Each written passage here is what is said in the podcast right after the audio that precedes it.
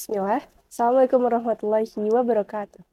Innal hamdalillah nahmaduhu wa nasta'inu wa nastaghfiruh wa na'udzu billahi min syururi anfusina wa min sayyiati a'malina may yahdihillahu fala mudhillalah wa may yudlil fala hadiyalah. Halo semuanya, perkenalkan nama aku Raya. Dan aku Isa. Welcome to Isa Talk. Insyaallah Isa ya. Allah. Di episode kali ini nih, kita Hmm. akan bahas judul yang menarik banget. Judulnya adalah Apakah itu yang mereka impikan? Kalau dari aku sendiri nih, aku sebagai remaja, impian aku tuh pasti mau kaya, sukses, bahagian orang tua, punya pendidikan yang tinggi juga. Nah, dan aku yakin nggak cuma aku doang yang punya impian kayak gitu. Ada data yang membuktikan sekitar 800 ribu remaja yang daftar SBMPTN gitu. Hmm. Dilihat dari observasi itu tuh membuktikan kalau banyak banget anak remaja yang memiliki keinginan dan mereka tuh berpikir ketika mereka mendapatkan apa yang mereka impikan. Contohnya tuh kayak kuliah yang bagus, pangkat yang lebih tinggi, terus naik jabatan yang tentunya akan mendapat gaji yang lebih tinggi juga dong. Tapi yang jadi pertanyaannya apakah mereka akan bahagia?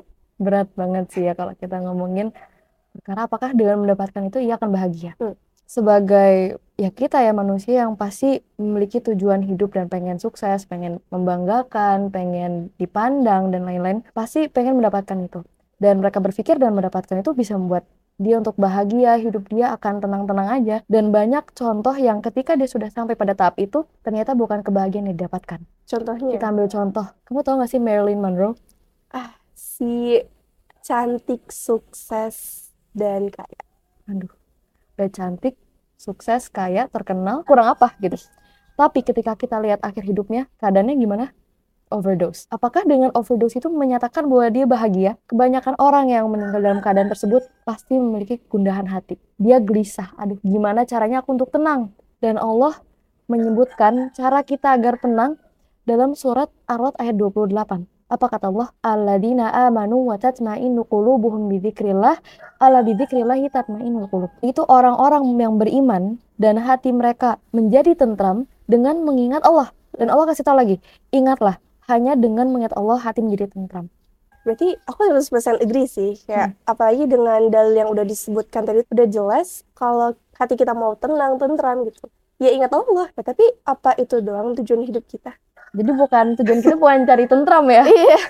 Maksudnya tuh kayak dengan dilihat dari cerita Marilyn Monroe tadi tuh gak membuktikan kalau mengejar dunia itu bukan tujuan utama kita. Bukan. Allah sebut dalam Azariyat ayat 56, "Wama khalaqtul jinna wal insa illa liya'budun." Aku enggak menciptakan jin dan manusia kecuali untuk beribadah kepadaku. Berarti dari situ tuh kita tahu ya kalau tujuan kita tuh meraih apa yang kekal, yaitu yang ada di akhirat dong. Mm-mm. Dan dari statement ini juga bukan Allah tuh ngelarang kita buat memiliki dunia dan seisinya. Enggak sih, Allah nggak melarang itu. Kata Imam Syafi'i, jadikanlah akhirat di hatimu, dunia di tanganmu, dan kematian di pelupuk matamu. Ketika hal itu pasti akan ada dan diyakini akan ditemui oleh setiap manusia beriman, tidak ada di antara kita yang beriman tak yakin akan kedatangan ketiga hal itu. Masya Masya Allah. Allah. Berarti sebenarnya boleh ya? Boleh dong. Boleh. Tapi kau punya nggak sih sosok yang mencerminkan mengejar ridho Allah dan Allah tundukkan dunia untuk dia? Oh, Allah. Em, ceritanya ada judulnya nih ceritanya. Apa tuh? Apa tuh? Judulnya Inisiatif Berbuah Surga. Wah, inisiatif berbuah berbuah surga.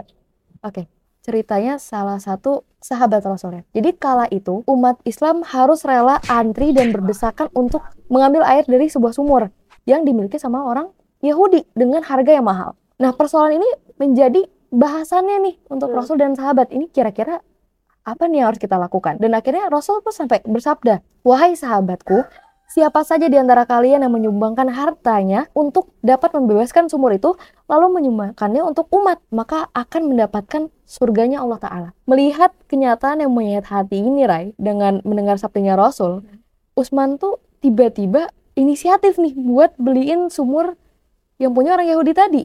Tergerak gitu ya. Iya, tergerak kayak, ah gitu. udah aku beli aja nih Hmm. gitu. Nah, pada awalnya pemilik ini nggak mau untuk dibeli nih sumurnya. Sampai akhirnya Usman itu menawarkan untuk membeli separuhnya aja. Jadi bukan sumurnya dibagi dua, tapi misal hari ini dipakai orang muslim, besoknya orang Yahudi. Oh, shift-shiftan Nah, gitu ya, gitu. Dan akhirnya mereka pun tergiur dengan tawaran itu. Dan akhirnya orang Yahudi pun setuju dan sepakat menjualnya separuh. Hingga akhirnya Usman tuh mengingatkan untuk kaum muslimin kalau misalnya mau ngambil air tuh buat dua hari. Jadi nggak kehabisan nih. Hmm. Jadi ngambil buat hari ini sama besok. Nah alhasil saat hari jatah kepemilikan orang Yahudi, tuh kodarullah nggak ada yang beli airnya. Iya.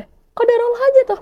Akhirnya selang berapa lama orang Yahudi ini akhirnya memutuskan untuk menjual sumurnya dengan seluruhnya kepada Utsman. Gitu. Jadi hak milik Usman tuh. Iya, udah punya Utsman dan Utsman buat umat gitu. Berarti kayak Masya Allah banget ya, meskipun Usman tuh udah nggak ada gitu, tapi dengan segala yang dia lakukan saat beliau ini masih hidup tuh, kekayaannya tuh masih mengalir sampai sekarang. Masih. Hmm. Dan itu berubah pahala loh. Iya, Dan itu jariah loh, bayangin. Jariah. Keren banget ya. Semoga kita bisa kayak gitu. Amin. Amin. Oke, berarti dari sini tuh kita tahu ya kalau sukses itu bukan parameter kebahagiaan gitu.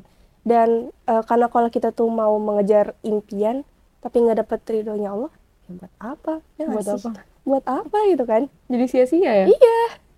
Oke, seru banget ya perbincangan kita di episode kali ini. Masya Allah seru Masya banget. Allah. Dan aku jadi keinget satu ayat. Ada firman Allah di Quran Surat Al-Ghafir ayat 39. A'udzu billahi minasyaitonir rajim. Ya qaumi innama hadhiyal hayatud dunya mata' wa innal akhirata hiya darul qarar. Hai kaumku, sesungguhnya kehidupan dunia ini hanyalah kesenangan sementara dan sesungguhnya akhirat itulah negeri yang kekal. Buat teman-teman semua, semangat untuk mengejar mimpi kalian dalam ridhonya ya. Sekian dari kami. Sekiranya ada kesalahan perkataan dari kami, sesungguhnya kesalahan tersebut datang dari syaitan dan kebenaran hanya dari Allah Subhanahu wa taala.